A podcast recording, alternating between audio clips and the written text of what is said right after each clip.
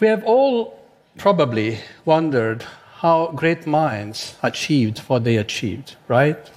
And the more astonishing their achievements are, the more we call them geniuses, perhaps aliens coming from a different planet, definitely not someone like us.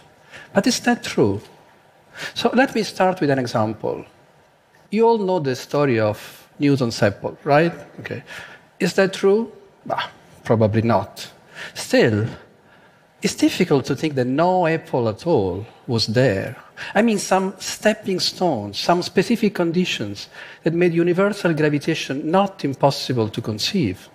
And definitely, this was not impossible, at least for Newton. It was possible.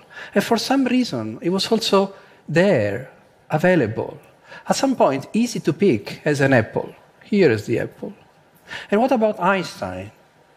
Was relativity theory another big leap in the history of ideas no one else could even conceive? Or rather, was again something adjacent and possible to Einstein, of course. And he got there by small steps in his very peculiar scientific path. Of course, we cannot conceive his path, but this doesn't mean that the path was not there. So, all this seems very evocative, but I would say hardly concrete if we really want to grasp the origin of great ideas, and more generally, the way in which they new enter our lives. As a physicist, as a scientist, I've learned that posing the right questions is half of the solution. Okay? But I think now we start having a great conceptual framework to conceive and address the right questions. So let me drive you to the edge of what is known, or at least what I know.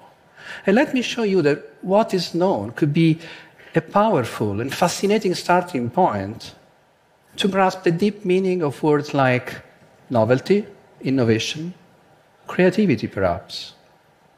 So we are discussing about the new, and of course the science behind it.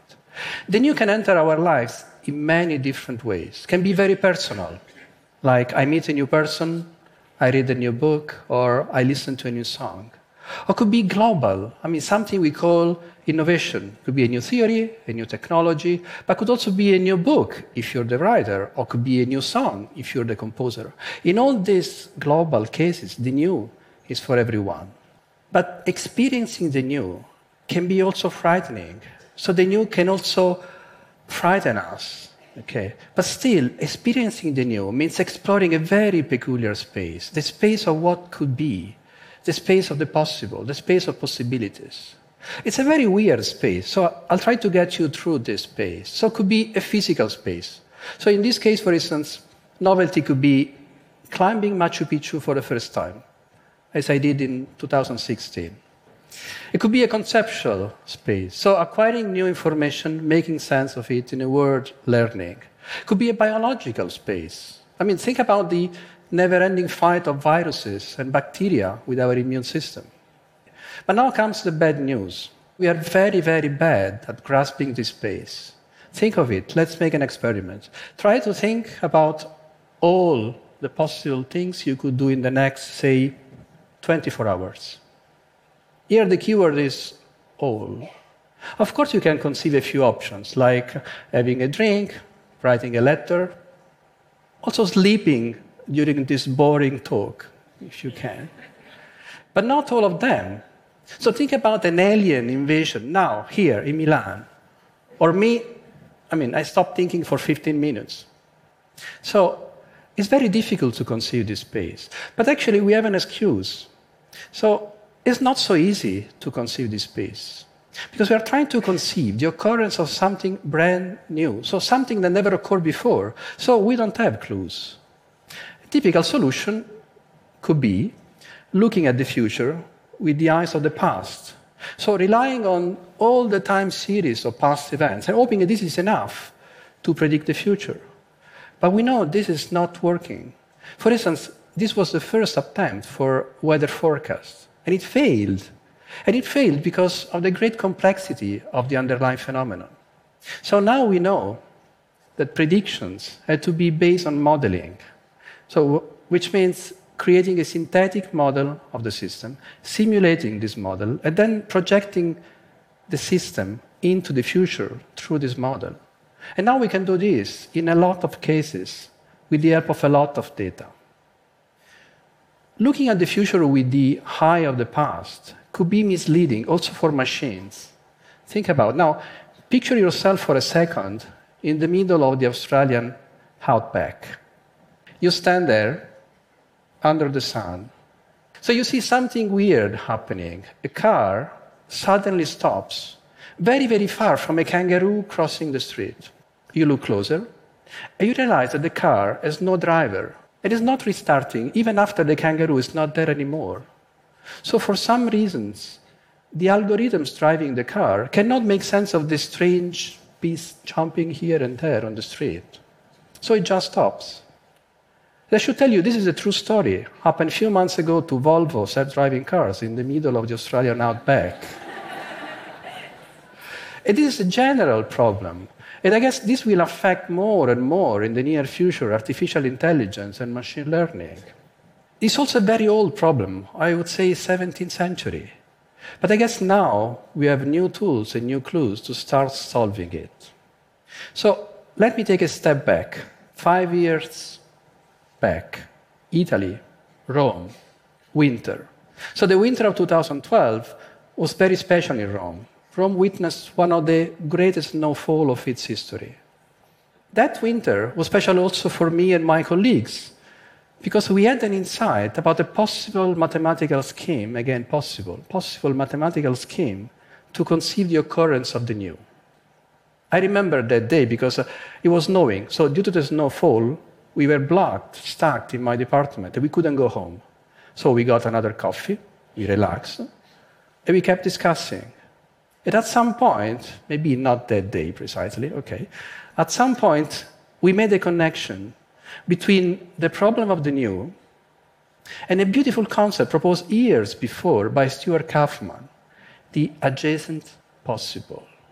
So the adjacent possible consists of all those things, could be ideas, could be molecules, could be technological products that are one step away from what actually exists. And you can achieve them through incremental modifications and recombinations of the existing material. So, for instance, if I speak about the space of my friends, hmm, my adjacent possible would be the set of all friends of my friends not already my friends. I hope it's clear.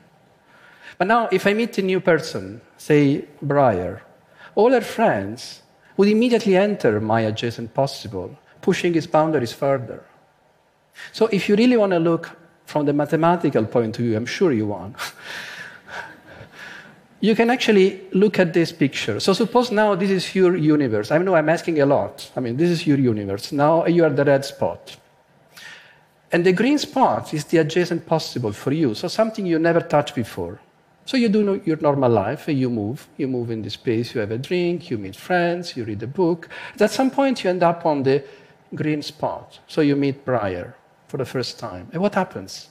So what happens is there is a new part, a brand new part of the space becoming possible for you in this very moment, even without any possibility for you for, to foresee this before touching that point. And behind this, there will be a huge set of points that could become possible at some later stages. So you see, the space of the possible is very peculiar because it's not predefined. It's not something we can predefine. It's something that gets continuously shaped and reshaped by our actions and our choices. So we were so fascinated by these connections we made. So scientists are like this. And uh, based on this, we conceived our mathematical formulation for the adjacent possible 20 years after original Kauffman proposals. And our theory, this is a key point, I mean, is crucially based on a complex interplay between the way in which this space of possibilities expands and gets restructured and the way in which we explore it. After the epiphany of 2012, we got back to work, real work, because we had to work out this theory.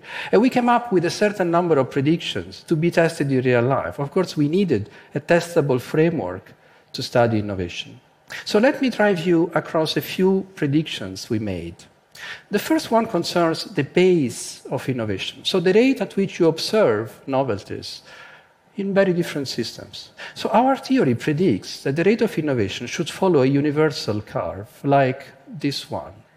This is the rate of innovation versus time in very different conditions. And somehow you predict that the rate of innovation should decrease steadily over time. So somehow innovation is predicted to become more difficult as you progress over time. It's neat. It's interesting. It's beautiful. We were happy. But the question is is that true? Of course, we should check with reality. Hmm? So we went back to reality. And we collected a lot of data, terabytes of data tracking innovation in Wikipedia, Twitter, the way in which we write free software, even the way we listen to music. I cannot tell you, we were so amazed and pleased and thrilled, I mean, to discover that the same predictions we made in the theory were actually satisfied in real systems, many different real systems. We were so excited. Of course, apparently, we were on the right track. But of course, we couldn't stop. So we didn't stop. So we kept going on. And at some point, we made another discovery that we dubbed correlated novelties. It's very simple. So I guess we all experience this. So you listen to Suzanne by Leonard Cohen. And this experience triggers your passion for Cohen so that you start frantically listening to his whole production. And then you realize that Fabrizio De André here recorded an Italian version of Suzanne, and so on and so forth. So somehow, for some reason, the very notion of adjacent possible is already encoding the common belief that one thing leads to another in many different systems. But the reason why we were thrilled is because actually we could give for the first time a scientific substance to this intuition and start making predictions about the way in which we experience the new. So novelties are correlated. They are not occurring randomly. And this is a good news because it implies that impossible missions might not be so impossible after all if we are guided by our intuition, somehow leading us to trigger a positive chain reaction. But there is a third consequence of the existence of the adjacent possible that we named waves of novelties. So, just to make this simple, so in music, without waves of novelties, we would still be listening all the time to Mozart or Beethoven, which is great. But we don't do this all the time. We also listen to the Pet Shop Boys or Justin Bieber. Well, some of us do. Okay. So we could see very clearly all these patterns in the huge amounts of data we collected and analyzed. For instance, we discovered that popular hits in music are continuously born, you know that, okay, and then they disappear, still leaving room for evergreens. So somehow waves of novelties ebb and flow while the tides always hold the classics. There is this coexistence between evergreens and new hits. Not only our theory predicts these waves of novelties, this would be trivial, but it also explains why they are there. And they are there for a specific reason, because we, as humans, display different strategies in the space of the possible. So some of us tend to retrace already known paths. Okay? So we say they exploit. Some of us always launch in new adventures. Okay? We say they explore. And what we discovered is all the systems we investigated are right at the edge between these two strategies. Something like 80% exploiting, 20% exploiting, Something like blade runners of innovation. So it seems that the wise balance, you could also say a conservative balance, between past and future, between exploitation and exploration is already in place and perhaps needed in our system. But again, the good news is now we have scientific tools to investigate this equilibrium, perhaps pushing it further in the near future. So, as you can imagine, I was really fascinated by all this. I'm fascinated by all this. Our mathematical scheme is already providing cues and hints to investigate the space of possibilities and the way in which all of us create it and explore it. But there is more. This, I guess, is a starting point of something that has the potential to become a wonderful journey for a scientific investigation of the new, but also, I would say, a personal investigation of the new. And I guess this can have a lot of consequences and a huge impact in key activities like learning, education, research, business. So, for instance, if you think about artificial intelligence, I'm sure, I mean, artificial intelligence, we need to rely in the near future more and more on the structure of the adjacent possible to restructure it, to change it, but also to cope with the unknowns of the future.